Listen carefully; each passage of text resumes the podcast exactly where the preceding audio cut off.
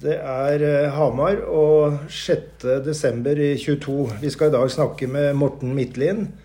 Han er kultursjef i Hamar kommune. Han er utdanna adjunkt og har vært lærer, skoleleder og kultur kultursjef i en kommune tidligere. Altså to eh, sånne jobber.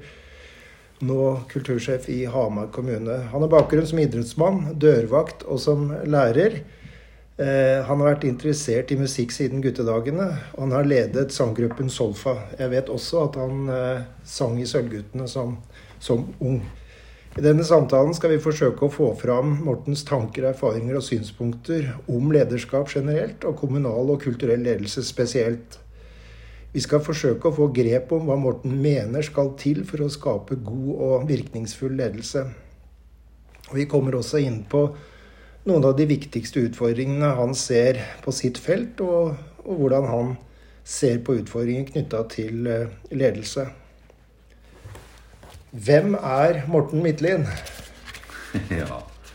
Hvem er Morten Midtlien? Er en, eh, en, fyr på 48 år som har eh, brukt mer tid på Hamar nå enn der jeg vokste opp. Så nå føler jeg meg som hamarsing. Og har ja, en spennende jobb. Trygge familieforhold og har det relativt bra om dagen. Ja, Så hyggelig. Ja. Kan du si litt om uh, uh, bakgrunnen din? Altså Dra litt barndom, ja. ungdom, eh, interesser, hva du har som hobbyer også nå? Du, jeg har Hvis jeg hadde vært mine foreldre, så hadde jeg vært fryktelig imponert på egne vegne. Fordi at jeg vokste opp i en fryktelig, fryktelig aktiv Jeg hadde et veldig aktivt liv som, som ung. Mm. Det var Eh, ikke en dag uten organisert aktivitet. Det var fiolin, det var tuba og skolekorps, det var Sølvguttene. Jeg tror kanskje vi hadde blitt eh, dytta inn i barnevernet i sin tid. Fra, fra rundt åtte år så pendla jeg vel eh, Årnes-Oslo eh, på egen hånd. Mm. Med tog og skifte på Nationaltheatret og T-bane. Og, og, det er klart at eh, det var en veldig aktiv eh, ungdomstid. Og så ble det parallelt idrett og musikk egentlig hele veien. Eh, på et sånt halvveis høyt nivå, begge deler, egentlig. Um, og så fikk musikken prioritet når jeg begynte på lærerskolen som 20-åring. Mm. Eh, da hadde jeg hatt et år i gardemusikken og prøvespilt for uh, Musikkhøgskolen. Valgte å takke nei til det. Uh, Angra litt. Hadde gått meg litt blind på målet. Ja, ja. Og så sto man plutselig i målet, og så tenkte mm. man ja, er det dette jeg egentlig vil? Så begynte jeg på musikklinja på lærerskolen. og der ble det mye sang og musikk. Eh, og etablerte, var med å etablere en uh, a cappella-gruppe. Mm. Så levde vi delvis av det i en 10-15 år, vel. Helt til vi begynte å bli Det var slutt på å være ung og lovende. Eh, og så ble det og mer og mer en hobby. Og så, som vi sa til oss sjøl, nå må vi få oss en ordentlig jobb. Og jeg husker jo deg, altså jeg var jo politimann i Hamar, og husker jo deg som dørvakt på Stallgården. Ja, det var en fin måte å, å, å ha biinntekter på i studietida, det. Absolutt. Ja, ja. Du ble kjent med byen på, på, en spesiell måte, kanskje? Ja, og så er det, det er to, to, gode grunner til å jobbe i utelivsbransjen i helgene. Det er at du tjener penger, og samtidig så slipper du å bruke så mye penger. Så det er på en måte dobbelt opp. Mm. Eh, og så blir man kjent med folk. Og, eh, og det handler jo først og fremst om å komme folk i møte. Det å stå i ei dør og passe på. Du var inne på at du sto eh, i en slags valgsituasjon mellom mm. å ta Musikkhøgskolen og, og lærerutdanning. Mm. Jeg vet jo at begge dine foreldre var lærere og, og skoleledere. Så du var sikkert litt påvirka fra det hjemmefra. Men tenkte du på andre yrkesveier enn en, en musikk og undervisning? Ja, eh, jeg hadde veldig lyst til å bli pilot. Ja. Eh, så viser det seg at jeg var for lang. Mm. Uh, og så begynte jeg faktisk på befalsskolen i, i Drøbak. Uh, men så knakk jeg noe bein ned i foten mm. i, på tampen av en rekruttperiode, eller hva det heter. Ja. Så da var det bare å reise hjem. Ja. så det var litt sånn tilfeldig. Så fikk jeg et vikariat. jeg ble kontaktlærer for en syvendetrinnsklasse i påvente av å komme inn i gardemusikken. Og da fikk jeg litt smaken på det å, å, å være lærer. Så det var litt sånn tilfeldige ting mm. som skjedde i den fasen etter videregående opplæring. Da. Hadde du tidlig en ambisjon om å bli leder? Nei. Eh, jeg har egentlig eh, ord, Jeg liker, liker, ikke ordet ambisjon. Eh, og det er, det er, litt sånn eh, fordi at det virker som ofte når ordet ambisjon blir putta inn i en kontekst, så syns jeg det handler om å søke noe. Ja. Eh, og jeg har egentlig aldri søkt eh, det å skulle være leder, men jeg liker veldig godt det å, å, å være med og sette retning. Ja.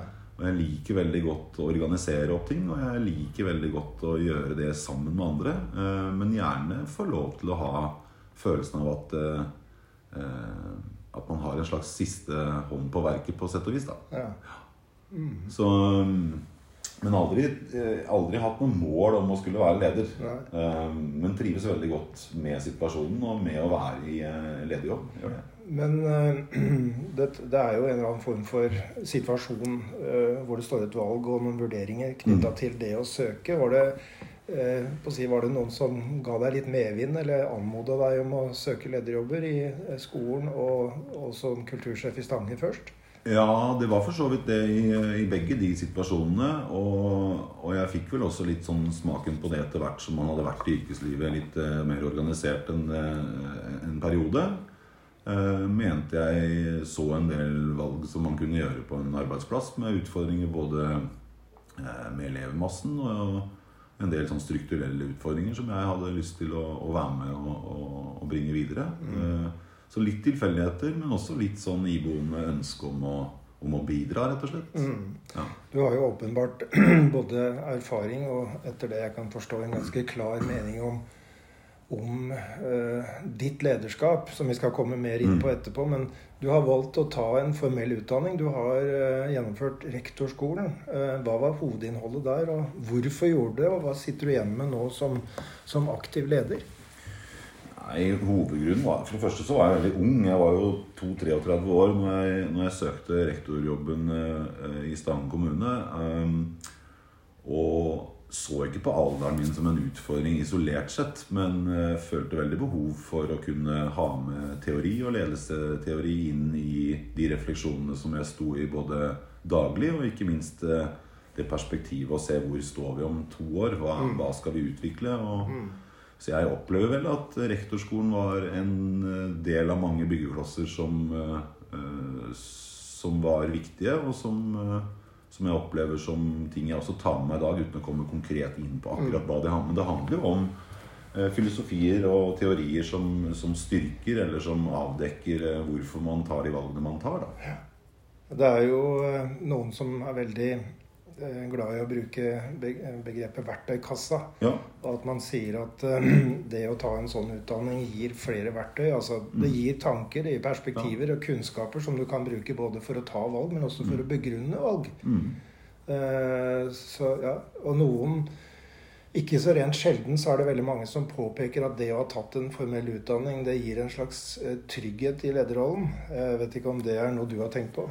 Jo, og jeg liker gjerne å bruke ordet eh, bevisst. da. Mm. Eh, man gjør seg selv bevisst de valgene man tar. Eh, og med, når jeg gikk på, på lærerskolen, så Et av de fagene som jeg har satt mest pris på, og som har betydd kanskje aller, aller mest i både min periode som, som utøvende lærer og pedagog, men også i lederskapet mitt, det handler om faget direksjon. Jaha. Eh, det kunne vi snakka veldig ja. mye om. fordi at det å være utdanna dirigent, da, ja. noe jeg ikke er, Nei. men jeg har hatt, fått vært så heldig å være under ledelse av Thomas Caplin, eh, hvor mitt fag på instrumentalt i lærerutdanninga, eh, som jeg fikk over to år, var direksjonsfaget. Mm. Og det å lede bevisst og ubevisst som dirigent for ensembler, det er en utrolig spennende lederutdanning, rett og slett. Fordi at der i mye større grad så gjør man fryktelig mye mer underbevisst mm. eh, kommunikasjon. Mm. Kommunikasjon som ikke settes ord på, men kommunikasjon gjennom bevegelse. Blikk, uttrykk, pust. Ja. Um, så jeg Hvis jeg skal ha en lederfilosofi eh, som, som, knytter seg til eh, det å Hva ligger i en lederutdanning? Ja så skulle flere ha tatt kurs i, i direksjon. Det du sier nå, eh, vil glede en tidligere kollega av meg, Ragnhild Holm på Politihøgskolen, som, som, eh, som er eh, saksofonist og Ja. dirigent. Mhm. Og hun har i samtaler jeg har hatt med henne i over snart 20 år, Ja. akkurat det samme som du sier. Ja. Så det syns jeg var morsomt. Du fortalte om barndommen din som var eh, eh, smekkfull av Ja. aktivitet, organisert aktivitet. Ja. Eh, du gjør mange ting nå også, men jeg oppfatter deg som en eh, Altså, du er leder. Masse ansvar, mye som skjer, mye som skal utvikles. Men hvordan balanserer du jobb og fritid i dag?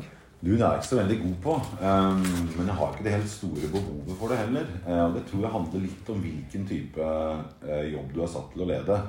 Og husk på det, Rune, at jeg jobber i en, jeg jobber i en kommune eh, hvor jeg er uh, ansvarlig for uh, deler av en, et område innenfor kommunen som eh, veldig mye av det vi driver med, ikke er lovpålagt. Eh, Vi har lovpålagt å ha bibliotekstjenester og kulturskoletilbud, men, men i hovedsak den summen som vi leverer av tjenester, er ikke lovpålagt. Og det betyr at vi er i en veldig stor grad utviklende del av, av um, eh, det vi skal levere, er veldig utviklende. Ja.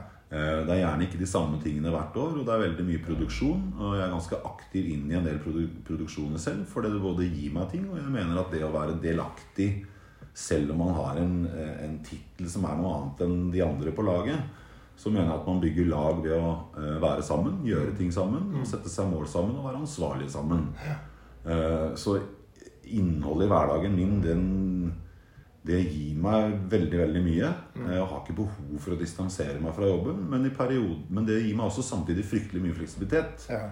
For da man jobber kveld, helg, søndag, eh, dagtid, eh, så betyr det at når klokka er to og, og det ikke er eh, avgjørende ting som må gjøres, så kan jeg dra hjem. Så jeg har ikke det store behovet for å koble veldig av, eh, annet enn i perioder hvor det har vært fryktelig lange uker. da. Men, eh, ja. Så du får brukt mye av din kreativitet og utviklings eh, både evne og lyst knytta til jobben og de prosjektene dere har gjennom året her. Ja, nå står vi foran en helg hvor vi skal produsere eh, stor produksjon ute nå i helga. Og da er det på med bobledressen, og da er vi ute fra torsdag til søndag. Um, og det, det gir meg fryktelig mye. Mm. men det er ikke sikkert jeg begynner på jobb klokka åtte på mandagsmorgen. Nei, jeg skjønner. Nei. Men den gamle volleyballspilleren og styrkeløfteren, hvor har han blitt av? Du, han er, han er, han er pensjonist. Um, det, jeg savner det ikke, men det er klart at eh, spesielt god form har jeg ikke. Så begynner å nærme meg 50. Så det er ikke umulig at jeg må sette meg noen nye mål snart. Litt grann om eh, hva som har forma deg som menneske, Morten. Det syns jeg alltid er spennende når jeg snakker med, med samtalepartnere og ledere. Jeg, eh, igjen så må jeg tilbake til familien min. Jeg har hatt eh, veldig pliktoppfyllende foreldre. eh, Og jeg har hatt et utrolig innholdsrikt liv i mye lag og foreninger. Har jo vært innom de aller, aller fleste idretter. Friidrett, håndball, fotball. Og det som kanskje også forma meg som ungdom, det var at jeg havna i et fryktelig positivt miljø i det volleyballengasjementet som, som var i bygda vår. Eh, fryktelig flinke trenere, voksenpersoner. Eh, solide eh, kompiser og kamerater i den sammenhengen. Gardemusikken òg var et sånn oppbyggende år. Eh, masse ungdom med, med litt like like forutsetninger for hvorfor man har valgt det man har valgt. Eh, mange bånd som er knytta for livet i denne sammenheng. Og så tror jeg kanskje lærerskolen har vært det siste stedet de fire-fem årene med igjen eh, veldig likesinna personer med veldig stor interesse for musikk. Um, og der sitter jeg igjen med flere eh, av mine aller, aller næreste venner eh, i dag. Så jeg tror at summen av foreldre og de miljøene jeg havna i, har vært med å forme den jeg er. Som jo gjelder for alle. Ja, ja, ja. Men jeg har vært litt heldig, tror jeg. Hva tar du konkret med deg hjemmefra da, av eh, verdier og holdninger? Eh, Jeg tar med meg engasjement. eh, Kjærligheten til hvor viktig det er da, å, ha de tette båndene. Det å stille opp. Det å være tydelig innenfor det med konsekvenser. Eh, At ting, ting betyr noe. Eh, men først og fremst et sånn voldsomt brennende engasjement for å stille opp. Det tror jeg kanskje er det viktigste. Spennende.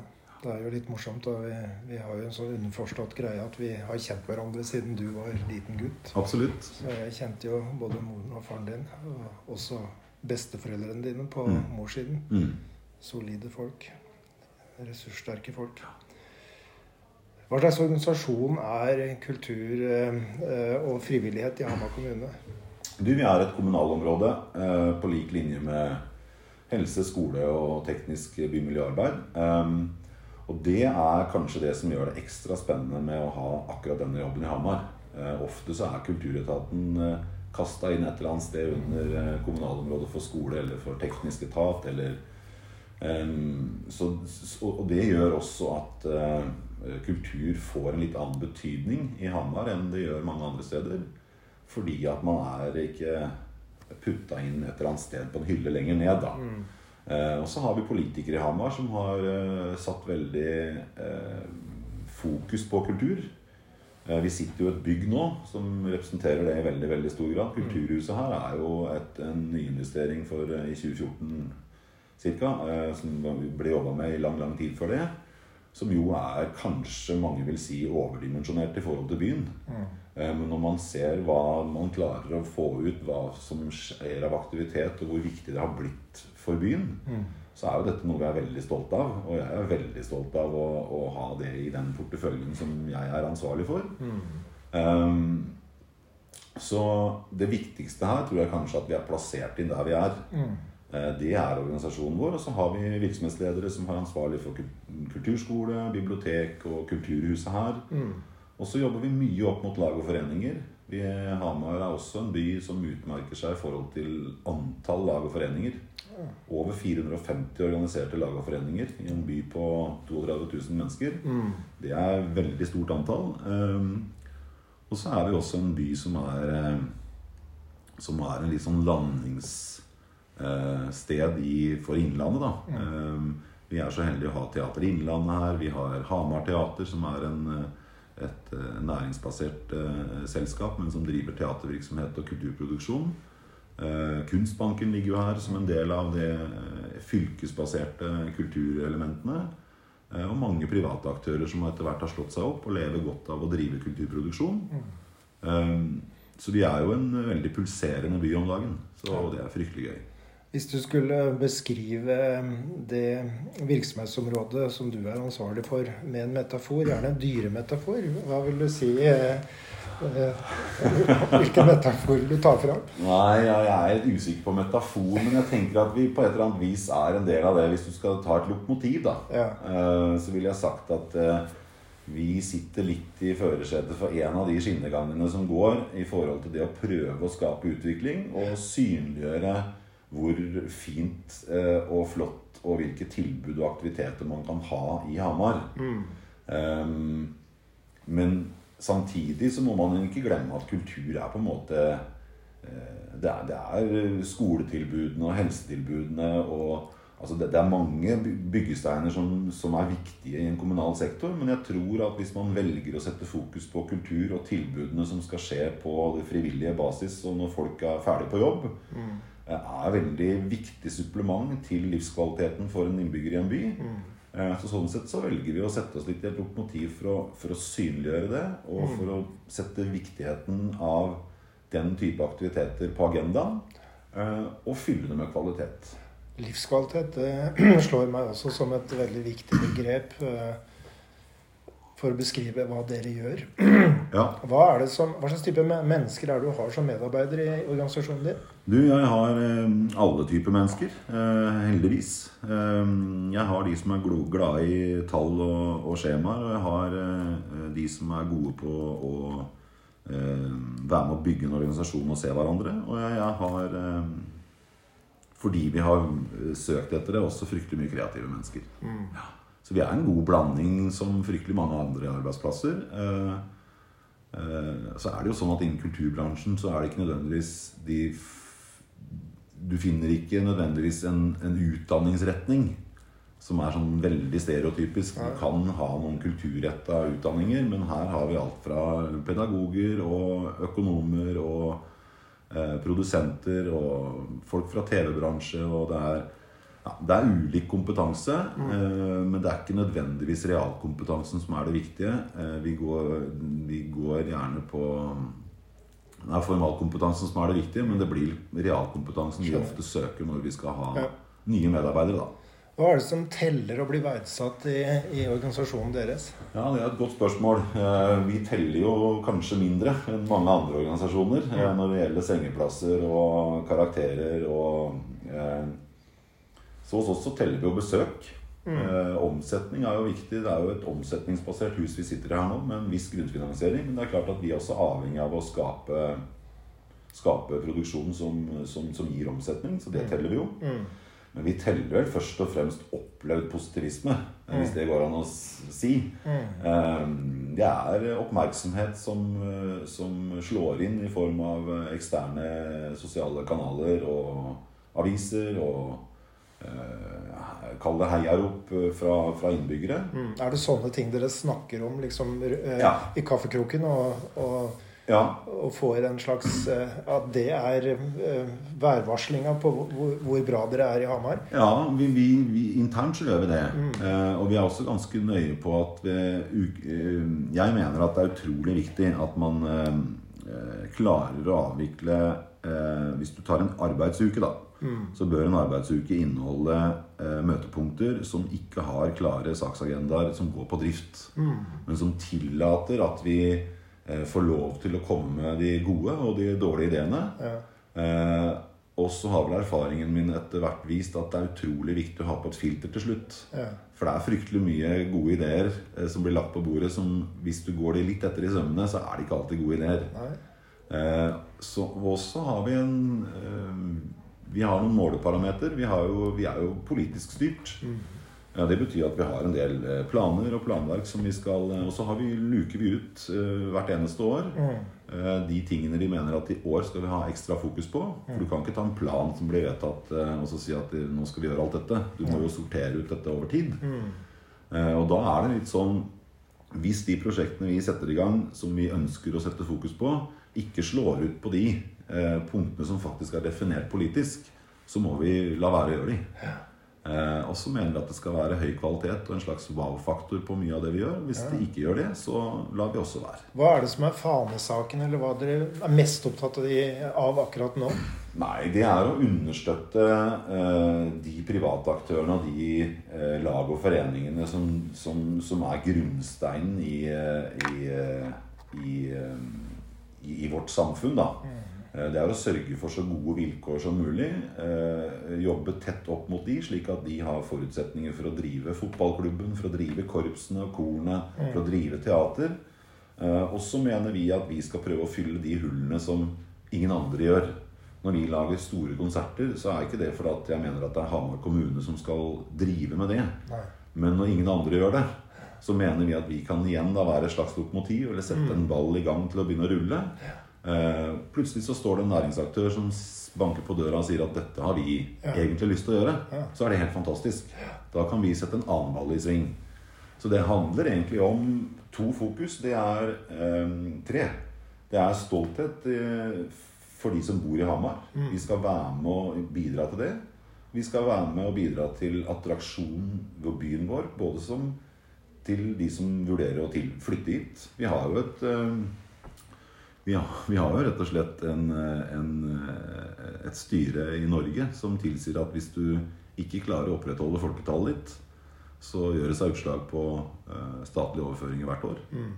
Så lik det eller ikke lik det, så er vi tvunget til å ligge bedre enn nederlandsgjennomsnittet. Da slår det positivt ut i budsjettallene. Eh, og så er vi ikke en typisk turistdestinasjon historisk. Men det mener jeg at vi egentlig er. Og da må vi jobbe for å få ut de fruktene. Eh, og det mener jeg vi er eh, på tur til, da, sammen med mange andre. Dere, dere tenk, altså Du likte ikke så godt eh, begrepet ambisjon. Nei. eh, men det er helt sikkert en form for langsiktig målsetning dere har i, i deres sektor. På, altså Hvor skal dere være da om, om to, tre, fire, fem, seks år? Vi skal være der at vi, eh, når vi snakker med hotellene, når vi snakker med eh, næringa generelt, reiselivsbransjen og restaurantene, så skal vi oppleve at de ser økt eh, omsetning og økte besøkstall. Eh, når vi snakker med eh, frivillige organisasjoner eh, i ukentlige møter eller i årlige storsamlinger, eh, så opplever vi at de eh, sier at de blir sett, og at de blir understøtta og, og, og, får mm. kommunal bistand, da, hvis man kan si det sånn. Og så øh, skal vi være med øh, og bidra til øh, at Hamar er et naturlig sted å velge. Men jeg tror ikke vi kan sette et sånn konkret mål på det. Nei. Eh, Men hvis vi ser at vi ikke klarer å gå i den retningen, så har vi gjort noen feil grep, og da må vi justere kursen. Men man kan se dette på så mange ulike måter. ja, ja åpenbart. Ja, så, så det er hele tiden det å, å være med og, og, og, få skuta til å gå i, i, i riktig retning ut ifra de satte politiske målene. Da. Når får dere telefoner og heiarop fra ordføreren, eventuelt en blomsterbukett? Du, vi jeg, Vi får ikke så mye blomster og heiarop, men vi får mye støtte både politisk og administrativt. Og Jeg opplever at vi har en ordfører som eh, både er veldig opptatt av eh, området kultur og frivillighet, og ikke minst opptatt av eh, attraksjoner. Um, og vi har en veldig tett eh, dialog med både eh, kommunedirektør og, ordfører i, i den satsinga som gjøres. Um, så, så det vi opplever at det er godt understøtta. Ja.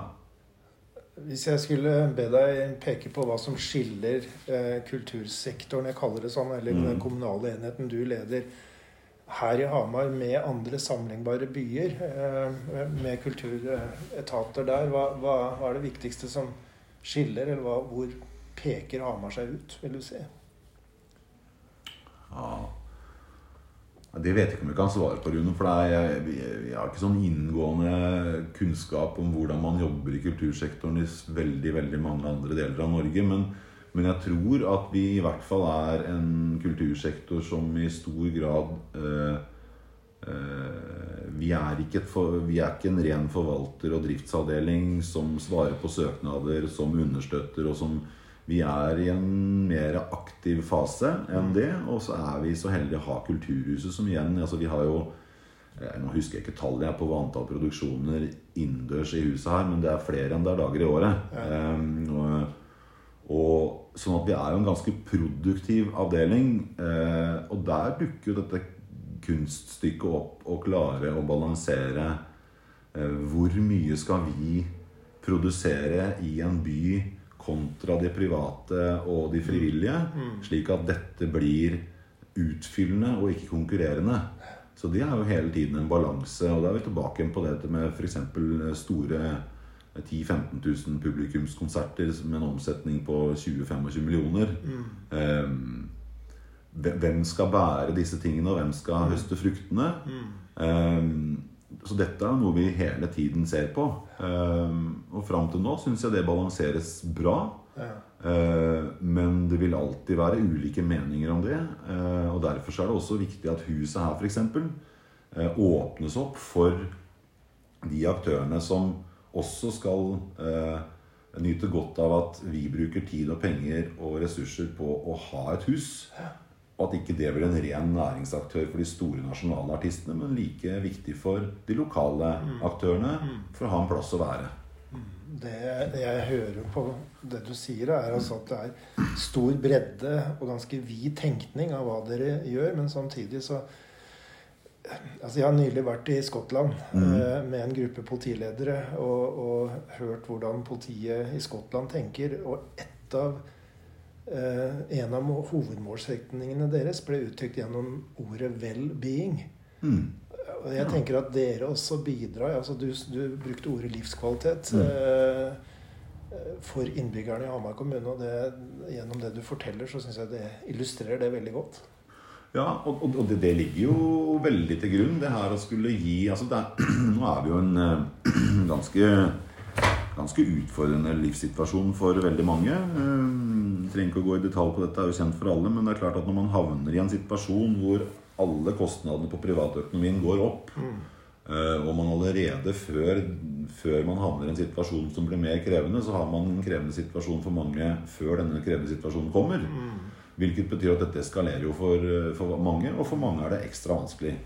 Og da skal også vi produsere lavterskeltilbud som eh, gjør at du uavhengig økonomiske forutsetninger skal kunne delta på eh, masse aktiviteter, oppleve sosialt, eh, sosiale møteplasser.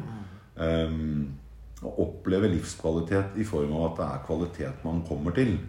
Eh, om det er sankthansfeiring, om det er adventslystenning med musikalsk kunstnerisk innhold, om det er videomapping på domkirka, eller om det er konsertopplevelser i torg, torgsamlinga.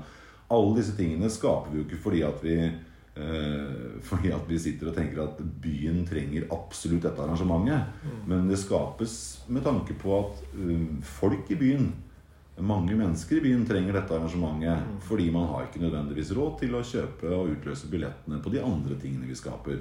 Så det er jo summen av alle disse tingene som well-being er et, eh, fint uttrykk. det. Hvordan ser en eh, typisk arbeidsdag, hvis du har typiske arbeidsdager, ut for deg, Morten? Eh, Den, eh, den typiske arbeidsdagen er nok ganske standard i forhold til veldig mange andre arbeidsdager. Med stort sett eh, dag, dagarbeid. Mye møter. Eh, Men eh, som sagt, det er også mye kveld og mye helg. Og det er produksjonene som styrer det. La oss si vi har en 10-15 store produksjoner i løpet av et år. Og da blir arbeidstida skjøvet på og flytta på, og så er det en del representasjon. Jeg er ikke så veldig glad i å bruke tid på det. Mm. For det er som jeg sier, at det skjer veldig lite ved at jeg sitter og ser på hva andre har gjort. Mm. Hvis jeg skal bruke opp all tida mi på det, så blir det veldig lite tid igjen til andre ting. Mm. Men det er klart det er en forventning om en viss representasjon nå. Eh, Men, men der er jeg nok ikke så god. Eller det vil si jeg har tatt et valg på ikke at det skal bety så mye i stillingen min. Mm. Fordi jeg mener at tida mi kan brukes eh, på en annen måte da. Skjønner. Da går vi til, over til å snakke om ledelse. Mm. Og det er jo et eh, begrep og et fenomen som er fullt av ulike begreper og en hel haug av forståelser. Så jeg skal ikke gå inn på det. Men øh, eh, altså, du leder profesjonelle medarbeidere. Mm. eh, kunnskapsarbeidere. Mm. Eh, hva vektlegger du da? Eh, tillit, frihet, styring, kontroll? Veldig, veldig stor grad av tillit. Ja. Vi setter mål i forhold til hva vi når, Jeg liker ikke å styre, jeg liker ikke kontroll. Jeg liker å ha kontroll, men jeg liker ikke å bruke kontroll som verktøy. Nei. Eh, jeg er nok detaljfokusert i form av at jeg eh, ofte sitter med sånn 70-80-90% kunnskap om prosjektene underveis. Mm. Eh, Men jeg liker å tro at jeg utøver veldig stor grad av tillit i form av at vi fordeler arbeidsoppgaver, og da forventer vi at de er gjort på en skikkelig måte når vi underveis som prosjektene trer fram. Da. Hvis du skulle beskrive det, din egen leder, leder- eller ledelsesprofil, hvilke ord vil du bruke da? Du har tatt en del sånne, ledelses, eh, sånne ledertester og analyser, og jeg havner stort sett alltid i midten. Ja. Jeg havner verken på det blå eller røde eller gule eller høyre eller venstre. eller Jeg havner stort sett sånn midt i poteten. Og det syns jeg egentlig har vært ganske beskrivende også hvis jeg skal prøve å være litt sånn selvanalytisk. da. Jeg er glad i å ha kontroll og en organisert og skikkelig struktur. Men det betyr ikke så mye for meg. Men jeg liker det. Mm. men jeg er også fryktelig fryktelig glad i å leve litt i den her ukjente sonen og tørre å hoppe. eh, Tørre å satse. Eh, Så, så det beskriver egentlig veldig godt, syns jeg, at jeg er litt sånn eh, i midten, men liker å gå eh, Ja, så og det, tror jeg kan være en styrke. Så kan det sikkert også være en svakhet fordi at man ikke eh, nødvendigvis da har så mye kontroll som man kanskje burde hatt noen ganger, osv. Poenget er vel å sjøl vite eh, Ja. hva slags profil man har, og hvilke Ja. styrker og eh, svakheter som ligger til den. Ja. Og, og hvem man skal spille på for på en måte å Balansere opp. Ikke sant? Eh, Så tenker jeg at det, er, det, er en dob, det er en dobbel dobbelthet i, eh, i den lederjobben du har. I den Mm. forstand at du skal lede en organisasjon Mm. en virksomhet, men samtidig så leder du mennesker. Mm. Hvordan tenker du om balansegangen der? Eh, jeg bruker ordet folk. Eh, og eh, folk er det aller viktigste. Eh, og så eh, Jeg tror du kan, jeg tror du kan eh, I mitt tilfelle, og min erfaring tilsier at du kan organisere deg i hjel, og du kan gjøre det mange, mange ganger. Men eh, hvis du er de samme folka du skal ha med deg, så er det folka du må sette i eh, først eh, for å lage den organisasjonen. Og så igjen har jeg lyst til å minne om at vi eh, snakker om en kommunal eh, virksomhet i en fryktelig stor kontekst. Hamar kommune har over 3000 ansatte. Eh, og jeg tror det ville være helt andre, muligens helt andre aspekter å ta med seg inn hvis man skal drive en, en bedrift som har noen spesifikke mål og er en 30-40-100 ansatte f.eks. Eh, her er det også helt andre hensyn å ta. Eh, vi kan ikke organisere opp kulturavdelingen sånn 100% fritt i forhold til noen målsetninger som ligger slik eller sånn. Vi skal også ha med oss en kultur, vi skal ha med oss noen forpliktelser fra andre avdelinger. Vi skal levere opp mot kommunikasjonsavdeling. Vi, vi får føringer eh, eksternt fra som også skal forvaltes hos oss. Eh, men uansett hvordan vi organiserer oss, så må vi organisere oss og få det beste ut av de vi er i sum. Eh, og da er det, mener jeg det er kjempeviktig å legge stor grad av tillit. Åpenhet rundt hva vi faktisk er gode på, og hva noen andre heller kan gjøre. Eh, og det er nok jeg førstemann til å si at eh, dette bør noen andre gjøre enn meg. Um, og det opplever jeg at vi har en veldig stor åpenhet om i vår organisasjon nå. Det er, det er lov å prøve og feile, og det er ikke nødvendigvis like, like mye applaus hvis du gjør den samme feilen tre ganger. Nei, det skjønner jeg. Ja. Hvis vi da går over på dette her skillet mellom drift og utvikling, da. Mhm. Det ligger jo også i din stilling. Hvordan eh, tenker du der når du skal lage en balanse på det, de to størrelsene? Um, mye av drifta vår foregår vi, vi todeler det egentlig ganske Prøver å ha en ganske todelt inngang til det. Sånn at når vi driver med driftsoppgaver, legger budsjettene, driver med regnskap, organisasjonsstrukturen vår, så er en del mennesker involvert i det, og det er en del av tiden som går med til det litt sånn fast i løpet av uka. Men så prøver vi å isolere eh, og koble på andre mennesker eh, i en utviklingsfase. Eh, og prøver å ha fokus på eh, utvikling i større grad. For ofte så tar driften deg hvis ikke du er veldig bevisst på det. Eh, og vi har også sagt det at eh, Som et eksempel, da.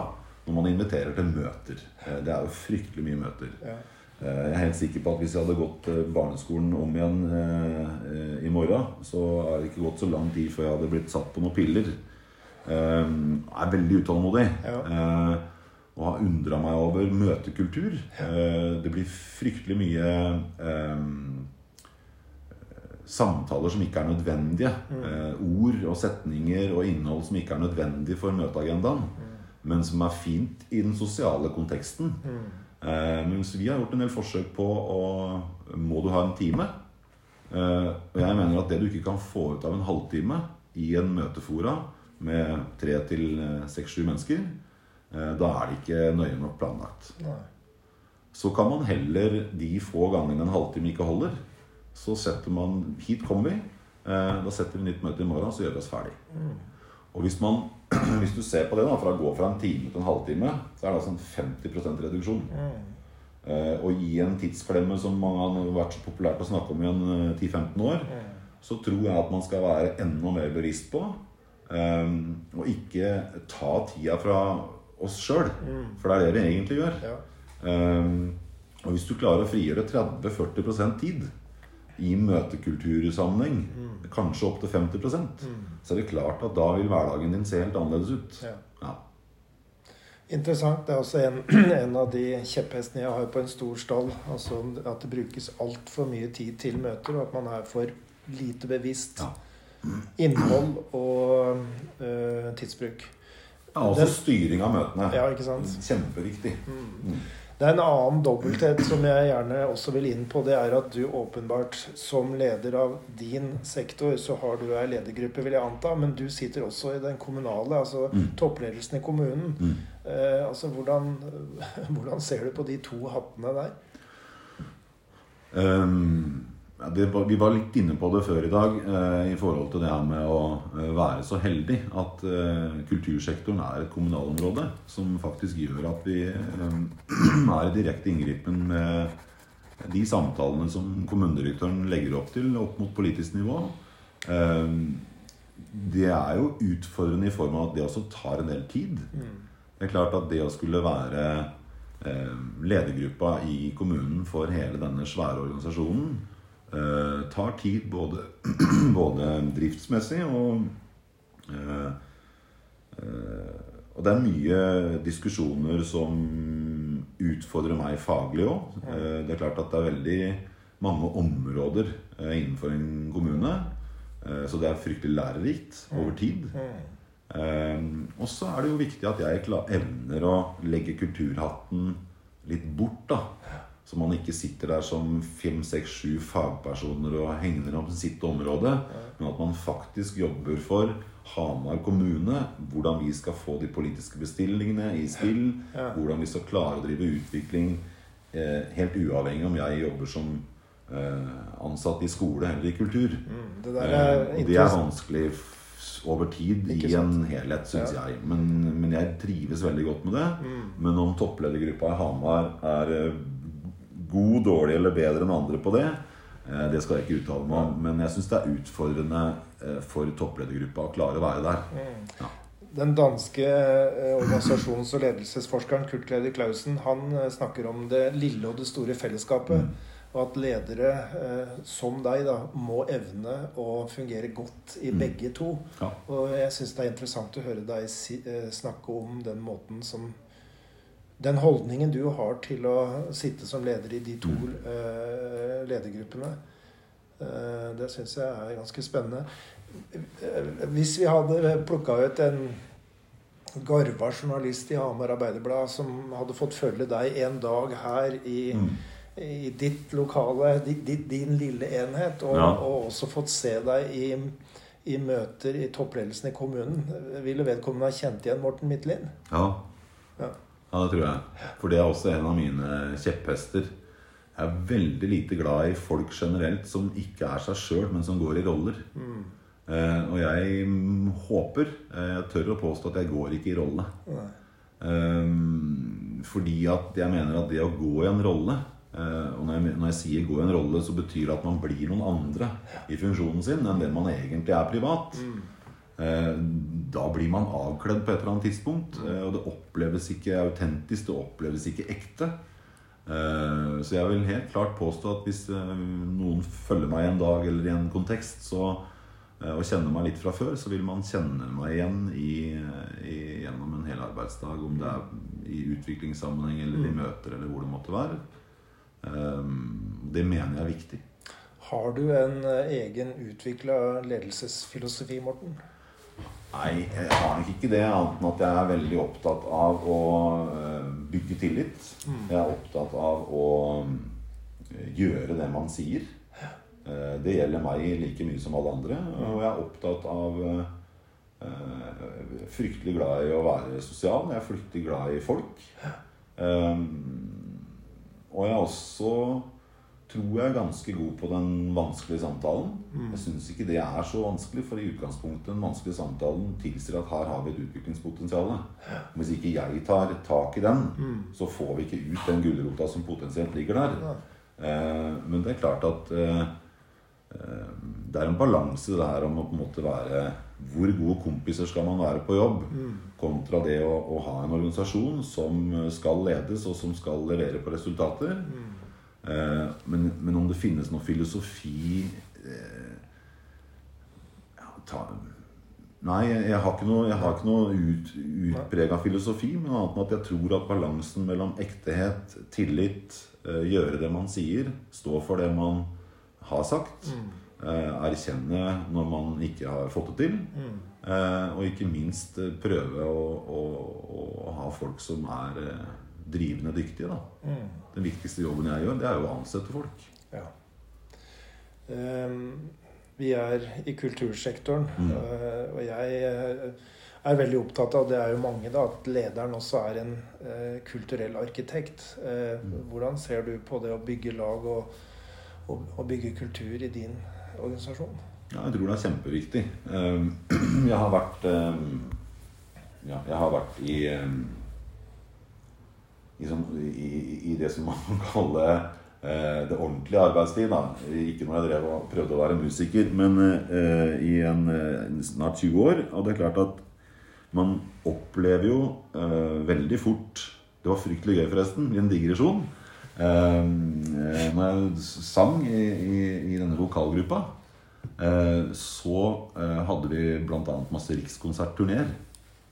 Eh, så vi har vel holdt 1000 konserter i cirka i, i, i Rikskonsertregi. Da må jeg forte meg ja. å, skyte inn at du var daglig leder av Solfa. Ja, det var nok mer en arbeidstittel, men, men, men, noen måtte ha den tittelen opp på Brønnøysund. Men, men, ja, det var jeg som hadde litt sånne type ansvar, og så var det noen som arrangerte. Så, det, så, vi hadde liksom fordelt litt arbeidsoppgaver.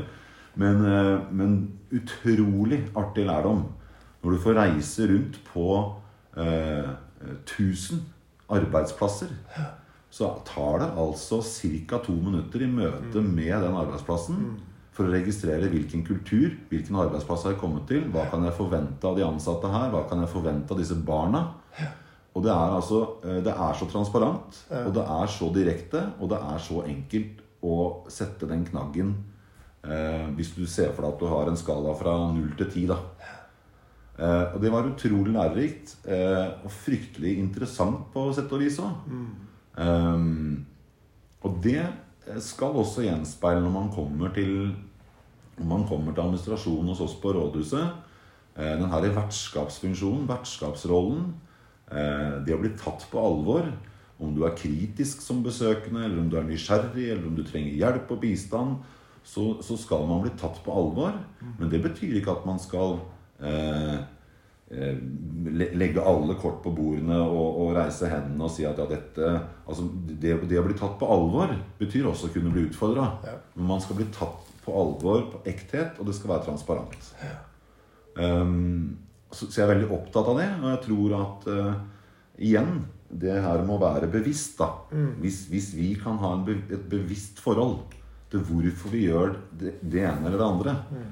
Hvis hele organisasjonen har et bevisst forhold til hvorfor sa jeg nei, og hvorfor har jeg sagt ja. Mm. Hvorfor har jeg valgt å hjelpe til, hvorfor har jeg ikke valgt å hjelpe til. Mm. Eh, så er det i seg selv kulturbyggende. Det å ha en bevisst holdning til hvorfor man gjør som man gjør. Mm. Eh, og det snakker vi masse om. Mm. Eh, jeg har dyktige virksomhetsledere som er med og, og, og lager kultur i, i, i vår avdeling. Mm. Eh, og jeg har viktige vertskapsbyggere og jeg har noen helt fantastiske medarbeidere som, som, klarer å skape denne kulturen både internt, men også eksternt. Fordi at vi er jo et, eh, er jo et vindu med, med like mye um, påvirkning på oss og hvem vi er fra publikum, mm. som det er bare det å være internt ansatt i møte med andre ansatte. Mm. Så er vi i møte med fryktelig mye mennesker, da. Hvordan ser du på deg selv da, i forhold til det å være leder og rollemodell? jeg eh, Jeg tror at jeg er eh, Tilbake til det vi snakka om i stad. Jeg tror at jeg eh, ved å være, velge å være meg selv så er det veldig lite overraskelse rundt hvem jeg er. Eh, og jeg tror det er viktig. Jeg tror det også er med på å bygge trygghet. Mm jeg tror jeg er en god rollemodell i forhold til det å ta i et tak. Mm. Um, jeg tror jeg er en god rollemodell i forhold til å Også at det er lov til å uh, At det er lov til å både ha de høye topper og de litt dype daler. Mm. At, det er, at det, er, det skal være fleksibilitet på en arbeidsplass mm. hvor du får lov til å være eh, kanskje litt grint en dag, da. Mm. Men når vi kommer dit at eh, vedkommende selv er klar over det, mm. og vedkommende selv kanskje også til og med setter ord på det. Mm. Jeg hadde en, en genial eh, opplevelse her for en tid tilbake, det her med åpenhet. da. Mm. Eh, vi var i en periode litt tidlig i, i, i min fartstid i Hamar eh, hvor vi skulle bygge en kultur, vi skulle bli kjent med hverandre, vi skulle sette noen mål og agendaer. Og så sitter vi da i et utviklingsfora. Eh, hvor driftskapitlet var liksom avgjort mm. for den dagen. Og så er det en medarbeider som da sier Skal de være kreative nå? Ja. Ja, vi hadde egentlig tenkt det. Da går jeg. Oh, ja. Og det er noe herlig ved det. Eh, fordi at det, i en stor organisasjon så skal ikke alle, alle skal ikke bidra med alt. Nei. Og den åpenheten og erkjennelsen om at eh, jeg er god på disse tingene, her skal ikke jeg være med. Eh, og det er liksom befriende. og Jeg tror at eh, det er den kulturen jeg trakter å, å, å få til. da. Søke det og eh, at, at det er åpenhet rundt eh, både det man er god til og ikke så god på. Og at vi, eh, men at alle har eh, Vi skal alle sammen gjennom det samme, og vi er alle ansvarlige for at når vi eh, lukker skjenneteppet, så har alle bidratt med sitt. Ledelse og mot er jo også et tema som vi må innom. Men jeg skal velge ett aspekt ved det, og det er eh, det å søke feedback som leder. Det handler også litt om, om mot. Mm. At man ikke er den store suverene. Og du har sagt litt om hvordan du ser deg selv som leder. At du er en del av teamet, og at du tar i et tak. og og er deg sjøl, søker du også feedback på, på din uh, ledelsespraksis og din stil som leder? Ja, det gjør jeg. Eh, Jeg har jo Men ikke, ikke, ikke Jeg har ikke verktøy for å gjøre det. Eller jeg har ikke men, men i alle samtaler, medarbeidersamtaler, både med min leder og med mine kollegaer og, og ansatte, mm. så opplever jeg at vi har stort fokus på å eh, bygge hverandre. Mm. og ved å bygge hverandre så må man snakke om ting som man både setter pris på, og som man kanskje syns er vanskelig. Mm. så jeg opplever også en stor åpenhet rundt det, eh, og opplever å få feedback på det. Eh, men jeg har ikke noe konkrete verktøy annet enn den, det å være i samspill med andre. da. At det samspillet er såpass åpent at man faktisk kan sette ord på. Eh, ja, Så indirekte så, Ja. så jeg, er jeg med på mye av den reisen eh, sammen med Det er, jo, det er jo en slags form for asymmetri i, i forholdet mellom en leder og en medarbeider. ja. Og, og noen medarbeidere vil jo i kraft av både hvem de er og hva slags kompetanse de har, kunne si noe ja, Gi en konstruktiv eller kritisk konstruktiv tilbakemelding til lederen sin. Andre tør ikke det og tar det heller på bakrommet eller når de er fulle, holdt jeg på å si. ja. Uh, Men uh, jeg tror kanskje at det er et poeng at ledere søker det. Og, og ikke nødvendigvis eh, med en, form for verktøy, men at ja, det, det knyttes til åpenhet. At det, er, Ja. det handler om tillit til organisasjonen også. Og vi, og vi har jo formelle punkter som medarbeidersamtaler og undersøkelser, og, og vi tar jo tak i de funnene vi finner der. Men, eh, og noen vil alltid kvie seg, som du er innom, i forhold til å ha den åpenheten og tørre å, å, å, å, møte den der avstanden. da. Eh, og det må man arbeide for, og så må man prøve å sikre de som man vet, at, eller de som man antar, eller de som man ikke vet, men som allikevel finnes. Eh, slik at det finnes kanaler for å kunne eh, både trygge sin egen eh, arbeidssituasjon, men også kunne eh, slik at den, den feedbacken eh, er mulig å gi. da. Mm. men jeg tror at i sum i løpet av et arbeidsår så fins det mye både formelle og uformelle Ja. eh, elementer i løpet av et år som gjør at det er mulig. da. Du sa tidligere at du betrakter deg som eh, altså en sosial person. Ja. Eh, og ledelse er jo å være i menneskebransjen. Mm. Eh, hvordan eh, hvordan eh, gir du anerkjennelse og ser medarbeiderne dine? Og hvordan legger du til rette for at de skal kunne utvikle seg? Eh, eh, anerkjennelse og ros, da, hvis man kan kalle det det, eh, det gjør jeg jo ofte daglig verbalt. Eh, forteller folk at dette var bra, eller at nå er du god. Eh, gi ros for et produkt som er ferdig. Eh,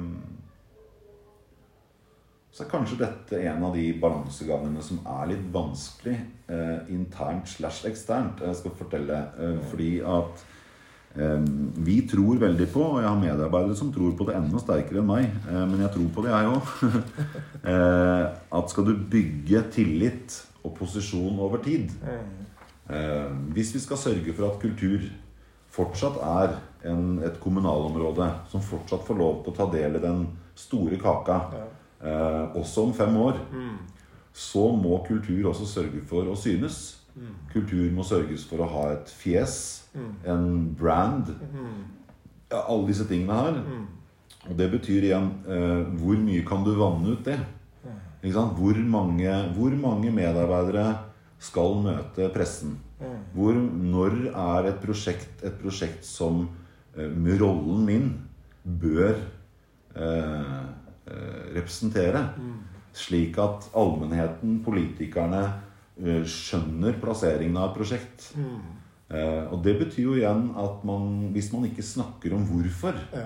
Hvorfor står denne kultursjefen uh, når det egentlig er et prosjekt som to andre medarbeidere eller Altså, for den avklaringa For noen har dette sårt.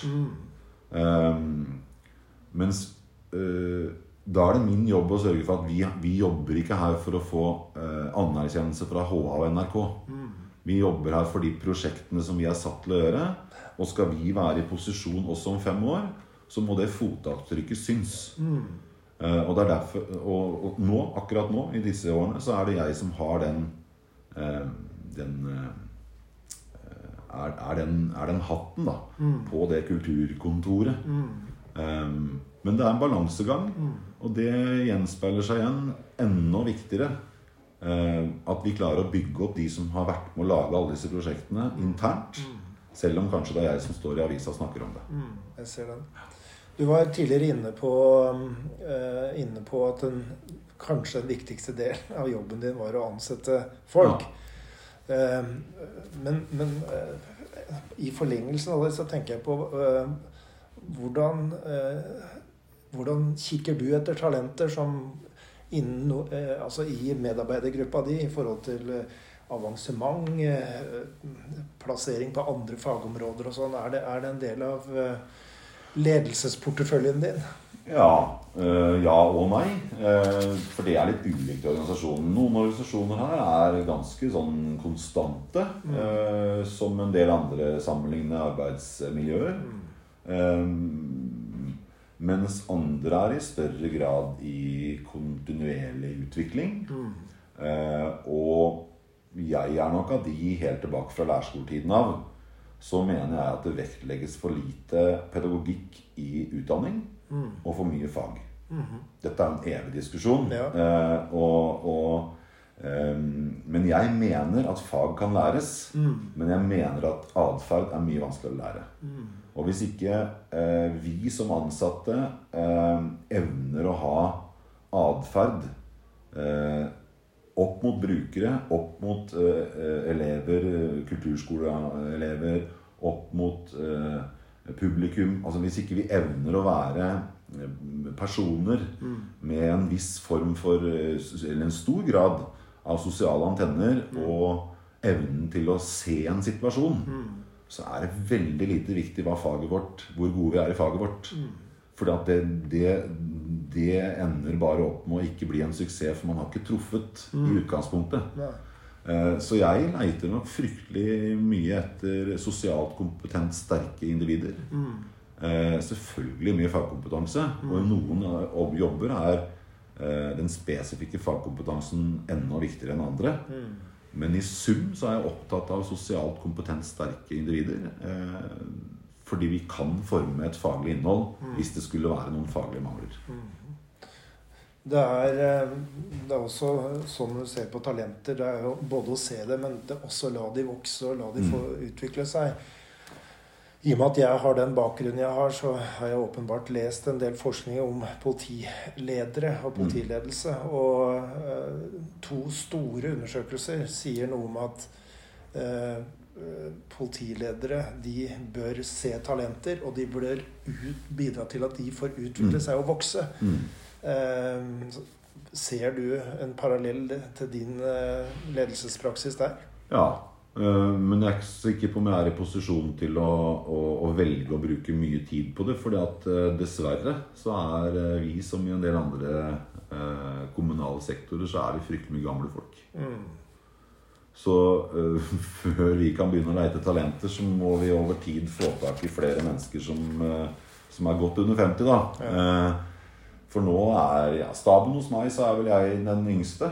Eh, På 47? Meg på, ja, Nei, jeg har en som er ett år yngre enn meg. Ja.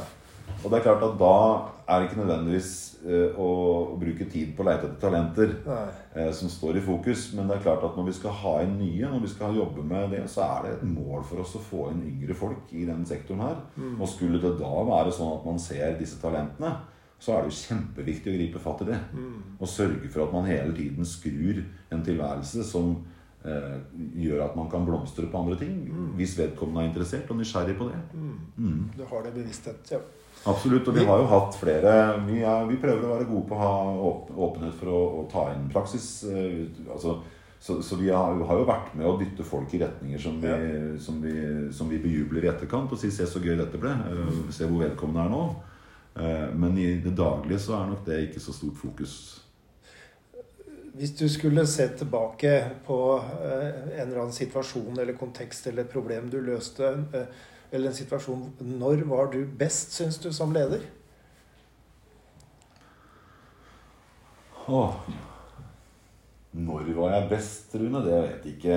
Når du, når du Jeg- følte at dette her, det får jeg til, dette her får jeg til sammen med andre, eller en eller annen Ja, jeg elsker å stå i produksjon når det brenner. Når det er, når det er eh, ja, Når det er 150 dugnadsarbeidere som er tatt inn, organisert inn på plass. Det, det står teknikere og bygger en scene. Det er eh, Når vi er 300 mennesker da, i et sånn virrak på Stortorget her, f.eks. Da hagler spørsmålene hvis jeg sitter som prosjektleder. Da gløder telefonen. ja. Eh, og når det da står mm, Når ting står fast et sted, da Det å få lov til å komme dit, og så tenke, da går det ofte ikke mer enn 20 sekunder, så har vi løst det på en annen måte. Fordi at det er noe av det jeg syns jeg sjøl er god på. Det er å være veldig løsningsorientert når vi må. ja. Um, Og så jeg under press, og under press. Ja. Jeg liker krisesituasjoner, og jeg liker endring. ja. Eh, Jeg, jeg er jo av de som ikke forstår at man klarer å eh, Og da kan jeg kanskje bli litt sånn tverr og vanskelig òg. Når hvilket arbeidsrom som skal være kontoret ditt neste år, blir i det hele tatt en diskusjon, Ja. ja, da mister du meg. Ja. For hvis, ikke de, hvis, hvis, hvis man klarer å ha fokus på å heve lønn, øh, ha dratt til seg kompetanse og ha bidratt til yrkeslivet i mange, mange år, mens, øh, mens dørterskelen blir eh, om døra om det, er, om, det er utsikten fra kontoret, eller det er utsikten, ja, da mister du meg. Eh, For, for, for da er fokuset på feil sted. Ja. Og det er litt sånn i den sammenhengen her òg at eh, eh, når, eh, når vi på en måte klarer å, ha, klarer å, å, å få folk til å forstå det, og slippe de samtalene, slippe disse eh, eh, fartsdumpene i hverdagen som er så utrolig uinteressante. Ikke sant? Når vi, men, men jeg kan jo mene det, og så mener noen andre noe helt annet. Men hvis vi klarer å bygge et miljø hvor man egentlig bare ved et blikk sier 'Skal vi ta den diskusjonen her?' Nei, det gjør vi ikke, for dette er vi faktisk enige om. Nå må jeg bare gå meg en runde rundt huset, og så er vi good to go igjen. Og det er litt det samme med det òg. Jeg husker jeg satt som rektor på Romedal, hvor frustrasjonen jo ofte kan dukke opp blant ansatte. Fordi det er krevende elevgrupper, det har vært voldsepisoder, det har vært skjedd sammensatte ting. Og krevende vanskelig, vanskelige foreldre, kanskje. Vanskelige foreldre kan være hva som helst. Vanskelige leder òg. Men i hvert fall når du da kommer inn på, på, på mitt kontor i den sammenheng da, da. Eh, Og hvis vedkommende er i, i kall det ubalanse, da, ofte kanskje sint, over noe som ikke jeg kjenner til eller ikke er kjent med, eh, så er min erfaring, og det, det, da er jeg litt tydelig på det Nå er ikke du i posisjon til å snakke med meg. Nå går det der ti minutter, og så snakker vi om dette her på en måte som to voksne mennesker snakker sammen. Ja.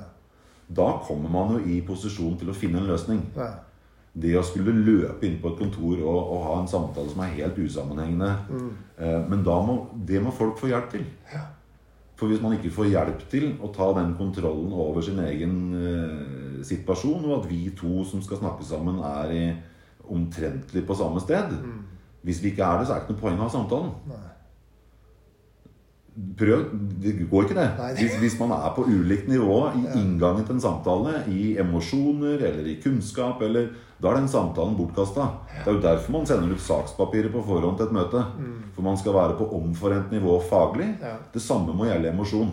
Hvis ikke du er på samme sted, da trenger du ikke ha den samtalen. Da må man rydde plass, slik at den samtalen kan foregå. Og det bør gjerne skje tett etterpå hvis det er frustrasjon inne i bildet. Men det skal ofte ikke med en ti minutter til. Jeg har lyst til å komme inn på de to siste punktene her før vi avslutter samtalen. Og det er ledelse, eller leder og makt. På dansk så, så heter det noe sånt som at ledere kan bli maktfullkomne. Eh, Og det er, eh, det er altså ja, Robert Sutton, som er en Harvard-professor på ledelse, han sier at ledere kan bli forgiftet av makt.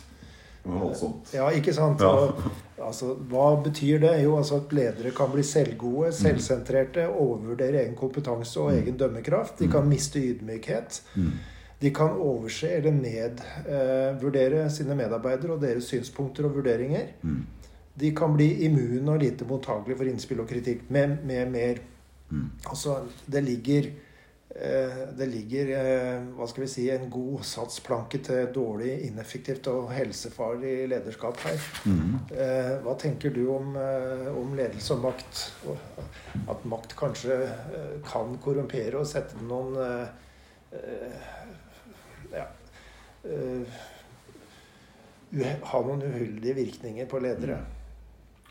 Jeg håper jeg har fått lite av den gifta i, i kostholdet. eh, Men, men eh, jeg helt opplagt det. At, eh, og det jeg tror jeg vi har møtt på alle Ja. i, i vårt eh, både personlige og, og yrkesmessige liv. Så har man møtt på uheldige kombinasjoner av, eh, av eh, Kall det makt og ledelse. Mm. Jeg håper og tror at samfunnet som jeg er en del av, i hvert fall her nå lokalt i Hamar eh, og i Norge, eh, eh, i mindre grad enn kanskje tidligere eh, er eh, utsatt for eller er en del av en kultur hvor, hvor makten slår feil ut. Da. Eh, jeg opplever i min hverdag lite maktspill eh, i, den, i, i den øvre delen av et, et kommunalt sammenheng. Og jeg håper inderlig at eh, ikke det oppleves eh, eh, at, at makt blir brukt, da. Kan man si. For med en gang makt blir brukt, så har man jo gjort et bevisst valg. Om det er den ene eller andre retningen. Eh, Jeg sa også innledningsvis at jeg er ikke så glad i ordet ambisjon. For hos meg så ligger det nettopp litt det her med det å, å søke å skulle få noe. Eh, og jeg skjønner at en idrettsutøver som, som har satt seg noen mål, har noen ambisjoner om å stå øverst på pallen. Eh, jeg er ikke så sikker på om det skal være det, eh, et sånn viktig fundament i, i, i min i min rolle som lønnsmottaker. Da. Mm. Jeg har fått en jobb, jeg har fått et oppdrag, jeg har fått en lønn og jeg har fått et arbeidssted. Og da er, opplever jeg at det er masse annet enn ambisjon som må ligge til grunn eh, lenge før ambisjon, i hvert fall. Eh, og jeg eh, Makt er jo også et fryktelig negativt lada ord eh, i veldig, veldig mange sammenhenger. Eh, Men så må, må jo også eh, Det er jo noen maktkamper innimellom, og det er jo en del elementer rundt det med makt i forhold til skal man komme videre når beslutninger skal tas, man er mange, så ligger det et ansvar men, eh, og en myndighet. Men hvorvidt makt skal være så veldig stor del av det, det er jeg litt usikker på. Du har jo sagt noe, eller mange ting om ditt lederskap, og du har brukt ord som samspill, tillit, eh, åpenhet. Så, og, men du har også påpekt det å sette retning. Eh, det kan knyttes til makt, eh, kanskje, men Og du liker ikke makt som de fleste nordmenn. Vi vil heller ha et ord som påvirkning, f.eks. Ja. Hva har drevet deg som eh, skoleleder og kultursjef? Hva, hva er det som er sånne drivere for deg? engasjement i form av å skape eh, og lykkes med det man skaper eh, sammen med andre. Eh, jeg er nok også eh, Jeg tror ikke jeg er noe unntak i eh, behovet for anerkjennelse. Det tror jeg er viktig for oss alle. Um, og, så det er vel summen av det å uh, oppleve at man kan skape eh, hvis man tør. Eh, og det har vel kanskje vært noe av det vi har hatt eh, litt sånn høyt på agendaen hos oss nå. Hvis vi Du vet, Hamar fra 2000, da, så hadde man utrolig fokus på infrastruktur. Eh, utvikling av torg og koiger og møteplasser og bygging av Kulturhuset som så sin pe- spede start eh, tidlig på 2000-tallet. Eh, så var det nok sånn at jeg havna i en litt sånn annerledes situasjon. For når jeg søkte jobb og skulle inn i kultursektoren i Hamar, så var på en måte eh, infrastrukturen lagt. Bygget var ferdig. Mm. Bordet sto klart og dekka. Og så hadde man kanskje glemt litt fokuset på hva skal man med alle møteplassene? Hva skal man med Kulturhuset? Det hadde man ikke glemt, altså, men litt sånn for å sette det på spissen. Eh, hvis ikke dette fylles med folk, og hvem skal gjøre det? Sånn at det ble en veldig naturlig vei fra å ha fokus på struktur, organisering eh, og infrastruktur, til å vri et fokus på innhold. Og det er klart at da måtte man jo vri fryktelig mye av organisasjonen. Det er stort sett de samme folka som har gjort dette i lang tid. Nå skal man gå en annen retning. Og det var en utrolig spennende reise å være med på. Ehm, og jeg syns vi har funnet en veldig fin balanse mellom å fortsatt kunne være gode på drift. Vi skal være gode på forvaltning. Vi skal være effektive. Eh, byråkrati er det verste ordet jeg vet, men jeg skjønner at det er viktig. Eh, men, men jeg liker det ikke. Eh, og eh, alt som kunne vært gjort i går, la oss gjøre det i går. Eh, gule lapper. Hater gule lapper. For det betyr at jeg bruker tid på å skrive en gul lapp. Og så er jeg hellig overbevist innerst inne om at halvparten av den tida Den tida kunne jeg ha brukt på å løse oppgaven. Ja. Eh, så den, den kaller det en metafor på å en måte flytte gjør, Det som kunne vært gjort i går, det gjør vi i går. Eh, og den utålmodigheten er nok kanskje også noe av det som eh, har vært med å drive meg. Da. Eh, eh, jeg forstår ikke hvorfor hvor, jeg, Ofte jeg ikke forstår hvorfor ikke ting bare blir gjort. Og i den sammenheng så er byråkrati hos meg litt sånn negativt lada ord. Mm. Hva, hva syns du er spesielt, eller hva har vært spesielt utfordrende med lederrollen, slik du ser det? Eh, det er å gå i takt. Mm. Eh, fra den mest utålmodige som alltid løper, eh, til de som eh, kanskje må slepes litt etter. Det å få til å bygge kulturen hvor vi omtrentlig går i takt. Har en omforent forståelse av hvorfor gjør vi dette, disse tingene. Eh, vi, vi var innom gule lapper og innom byråkrati. Men jeg syns jo at altfor mange mennesker er opptatt av forskrift og regler. Har glemt formål og hensikt. Sånn at du kan legge hva du vil i forskrift og regler. Det er utrolig lett å være vanskelig hvis du leser forskriften. Men hvis du leser formålet og hensikten først, og så leser du forskriften, hva er da mulig å skape? Det er noe med den her, Så formål og hensikt, eh, det er det aller aller viktigste drivkraften. Hvorfor gjør vi dette? Hvis ikke du kan svare på det, da må du ikke svare heller i, i brevs form til noen som har bedt om noe. Hvis du bare har lest forskriften. Det er det altfor mange som gjør. Da knytter du altså lederskap til mening, Ja, jeg. Det må gi mening, og vi må vite hvorfor. Og det må være transparent, og vi må kunne gå det etter i sømmene. Går det an å, øh, å oppsummere hva er- som er det viktigste du har lært i din karriere som, som leder? Hvis du skulle bruke noen korte setninger eller noen nøkkelord? Ja, ja, og du stiller så store spørsmål, Rune. Hva har jeg lært? Jeg har lært at eh, det er utrolig viktig at vi er omforent. For hvis vi ikke er det, så tror man at man er på vei til noe. eh, Men på et eller annet tidspunkt så plutselig så sporer vi av i fellesskap.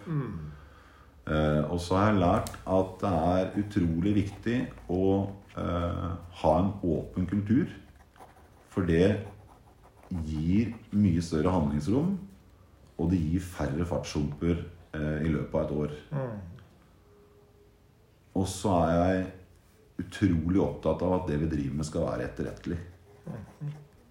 Ehm, Det er klart at med alle kontrollinstanser og kontrollutvalg og uh, ledere og alle som skal svare rapporteringer Den dagen du hele tiden må svare opp ting for man begynner å lure på hvorfor Ja. ting er som de er, så blir det fryktelig tidstapende. Eh, Så det å eh, hele tiden prøve å være i forkant og vise sånn at ingen lurer på noe, eh, det tror jeg er kjempeviktig. Og så er jeg opptatt av at ja, jeg må sette det siste punktet trivsel. Ja. Hvis ikke, hvis ikke du har medarbeidere og en stab og en gjeng som sammen trives på jobb, eh, da blir det også fryktelig, fryktelig tungt i lengden. Da må man gjøre noe med det. Helt til slutt, Morten. Hva ønsker du skal være ditt fotavtrykk eh, i Hamar kommune når du en gang går ut av rollen som kultursjef? Jeg skal være med og bidra til at man ser på kommunalt ansatte som noe annet enn noen som henger over en spade. Hvis man kan eh, Hvis jeg har vært med og bidratt til at kommunen er framoverlent, eh, Hamar kommune er proaktiv, Hamar kommune er noe vi er stolt av, Hamar kommune eh, kan vi faktisk heie på ja, da, Hvis jeg kan få vært med litt på en sånn reise, så hadde jeg vært utrolig takknemlig i ettertid. Tusen takk, Morten. Det har vært en interessant samtale. Det har vært veldig moro å få snakke inngående med deg om eh, ledelse og ditt lederskap. Tusen takk. Takk skal du ha.